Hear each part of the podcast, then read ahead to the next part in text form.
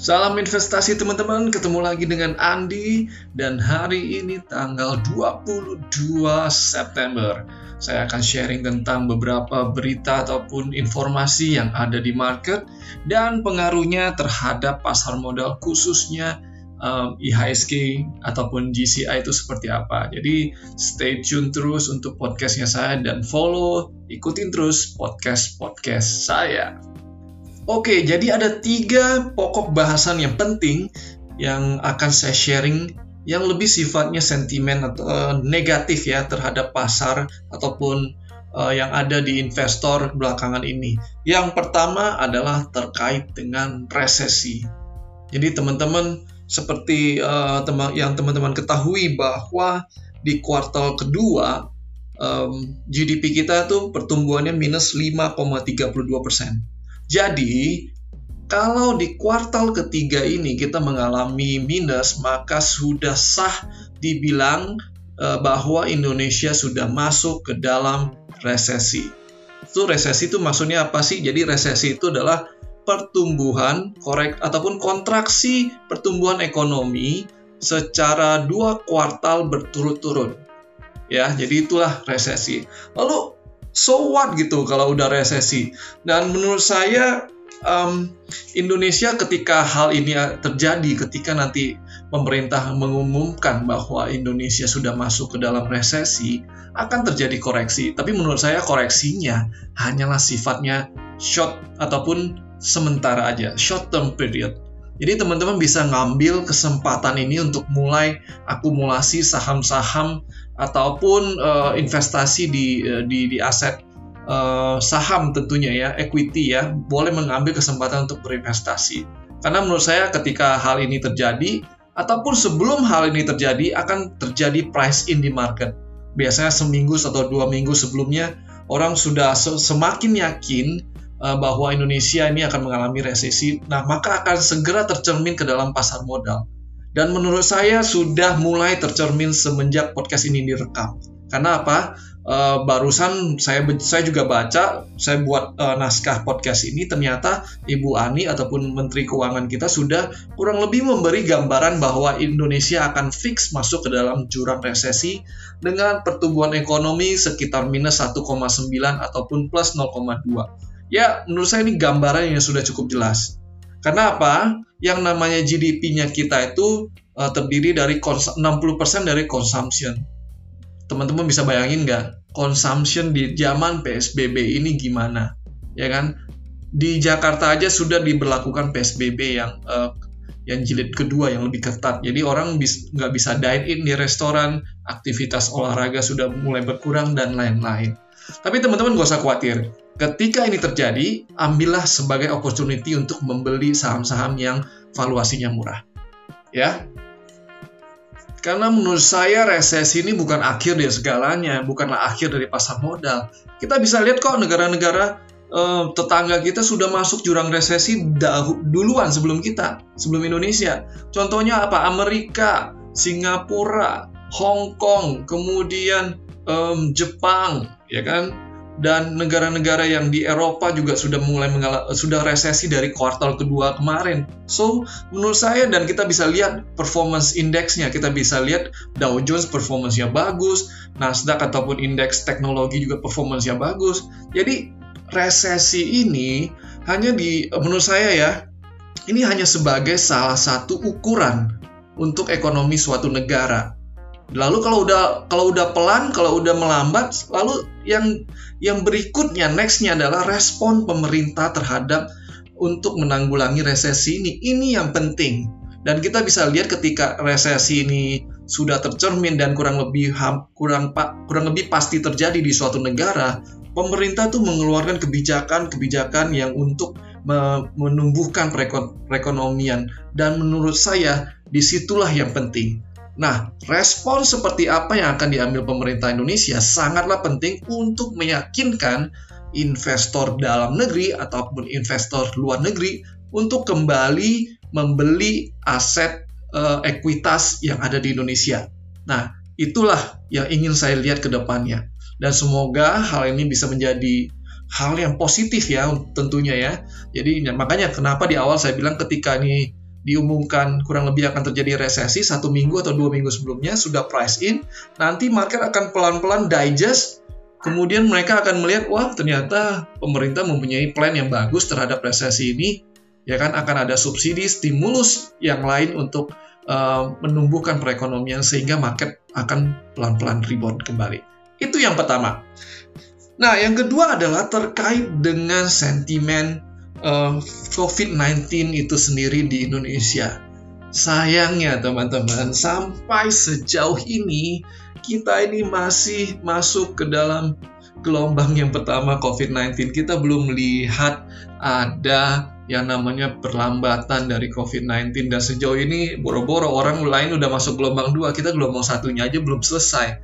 Jadi wabah ini COVID-19 ini menurut saya ya makin me, ya kurang lebih akan masih lama lah di Indonesia ya. Karena dan gawatnya apa? Rumah sakit rumah sakit sudah mulai komplain bahwa mereka sudah mulai masuk dalam satu masa yang mana kapasitasnya sudah mulai maksimal. Dan um, ini juga menjadi catatan bagi investor baik dalam negeri ataupun ataupun luar negeri.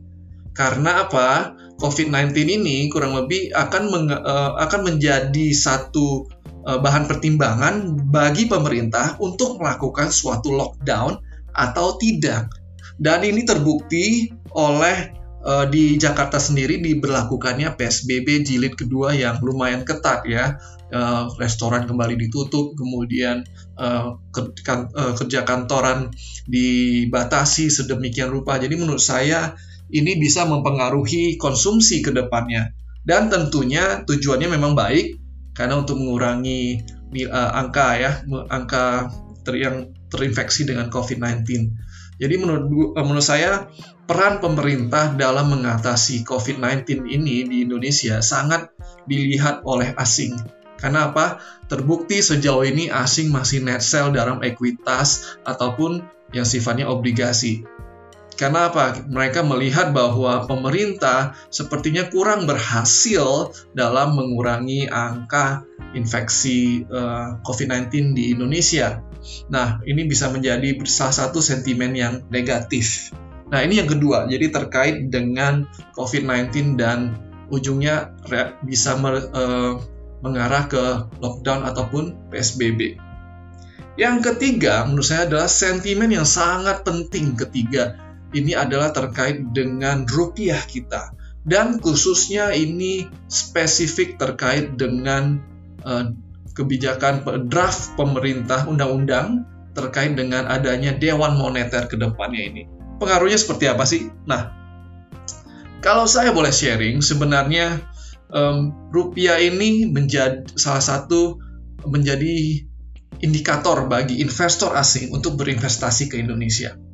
Karena kenapa? Kalau dia investasinya menarik di Indonesia, contoh, dia investasi di saham naik 10%, dia investasi di obligasi naik 7%. Tetapi dia kalau rupiahnya itu minus di atas angka 10%, di atas angka 7, 7% maka sia-sialah keuntungan yang mereka dapat ataupun capital gain yang mereka dapatkan. Oleh karena itu, kestabilan rupiah sangatlah penting untuk menjadi uh, untuk salah satu untuk menjadi salah satu indikator investor asing untuk berinvestasi di Indonesia. Ya, itulah yang nah, isu ini rupiah ini jujur kata terganggu dengan adanya draft undang-undang adanya Dewan Moneter di mana kurang lebih nanti akan ada uh, eh, BI independensi dari BI sendiri itu akan mulai mulai berkurang dan akan mengarah ke, kepada ke Kementerian Keuangan. Nah, jujur kata, menurut saya, jujur menurut saya ya, ini ada dua sisi. Um, sebenarnya saya setuju dan tidak setuju. Karena kenapa? Kalau kita lihat independensinya BI dalam mengatur moneter di Indonesia harusnya independen dan tidak bisa um, diikut campurkan dengan pemerintah karena ada ada benturan politik ataupun benturan kepentingan-kepentingan tertentu yang bisa ujung-ujungnya mengarah ke dalam nanti kebijakan-kebijakan yang tidak sesuai ataupun kebijakan yang tidak independen. Oleh sebab itulah asing e, negara ataupun investor asing melihat kita ada potensi terjadinya e, ketidak independensian di Indonesia. Makanya mereka keluar dari pasar modal Indonesia, baik itu saham, baik itu obligasi. Nah, lalu kenapa sih menurut saya juga negara-negara seperti China menurut saya juga mereka tidak independen menurut saya. Sedikit lah kurang lebih uh, ya mereka dewan mereka punya dalam mengatasi moneter dan fiskal mereka punya kepentingan-kepentingan tertentu. Dan menurut saya ini ada plus dan minusnya.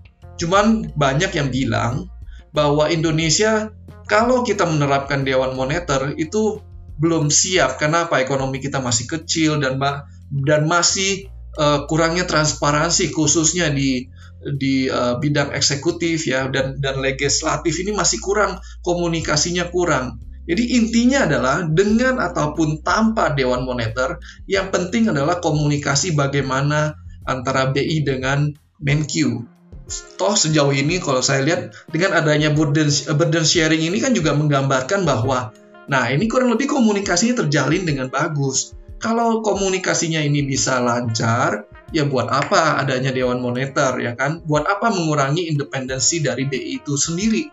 Karena uh, jujur asing sangat melihat independensi adalah poin yang penting dalam suatu negara. Oke, jadi teman-teman ada tiga faktor yang akan mempengaruhi market dan sangat mempengaruhi pergerakan uh, capital market di Indonesia, yaitu yang pertama adalah resesi, dan yang kedua PSBB, dan yang ketiga adalah terkait rupiah dan terkait dengan dewan adanya draft dewan uh, moneter ke depan ini. Nah, so gimana teman-teman? Apa yang harus kita lakukan? Menurut saya, semua yang sentimen negatif tiga-tiganya ini bisa dikalahkan dengan satu sentimen positif, yaitu sentimen yang namanya vaksin itu diketemukan, didistribusikan, dan disebarkan kepada rakyat di seluruh dunia ini. Ya, menurut saya semua berita-berita tadi akan tertutup ketika adanya berita bahwa suatu vaksin tersebut sudah berhasil melewati fase ketiga dan ready untuk diproduksi dan ready untuk didistribusi dan berhasil bisa mengatasi COVID-19 ini. Jadi teman-teman, makanya nggak ada alasan kita untuk berhenti berinvestasi. Karena resesi, PSBB, dan rupiah itu, itu hanya sifatnya temporary dan nggak ada yang tahu. Ya kan? Tapi yang pasti vaksin ini sudah mengarah ke Eh, fase-fase yang benar. Sehingga dengan kata lain, ya kan, berita negatif-negatif tadi bisa diatasi dengan adanya vaksin percuma. Ya kan, resesi ini kan terjadi karena apa? Konsumsinya turun. Karena apa konsumsi turun? Ya karena ada COVID-19. PSBB ini terjadi karena apa? Karena ada COVID-19 juga. Nah, kalau rupiah dan Dewan Moneter ini memang purely karena um, ya kebijakan pemerintah ya ini nggak necessary harus related dengan COVID-19. Tapi menurut saya tiga berita yang tadi di awal dapat ditutup dengan satu berita positif yaitu kemajuan tentang vaksin yang ada untuk mengatasi COVID-19 ini. Jadi teman-teman nggak usah khawatir ketika terjadi koreksi dan uh, apakah ini akan kembali ke 3.900 menurut saya kecil kemungkinannya. Dan kalaupun itu terjadi, saya dengan sangat encourage teman-teman untuk kembali membeli aset saham tersebut. Di ya bisa beli indeksnya, saham-saham BUMN, saham-saham yang LQ45. Saya encourage teman-teman ketika hal itu terjadi. Ya, karena apa? Berita vaksin dan menurut saya ini sudah di depan mata. Ini akan mengatasi poin satu dan dua, mengatasi resesi, mengatasi PSBB ya. Jadi teman-teman itu yang ingin saya sampaikan untuk episode kali ini. Jadi um, kesimpulannya adalah berita tentang resesi, berita tentang PSBB, tentang kestab apa tentang rupiah dan Dewan Moneter rancangan undang-undang ini semuanya cenderung akan ditutupi dengan berita bagus yang yang terkait dengan pertum, apa perkembangan vaksin di dunia ini. Oke, saya Andi undur diri. Bye.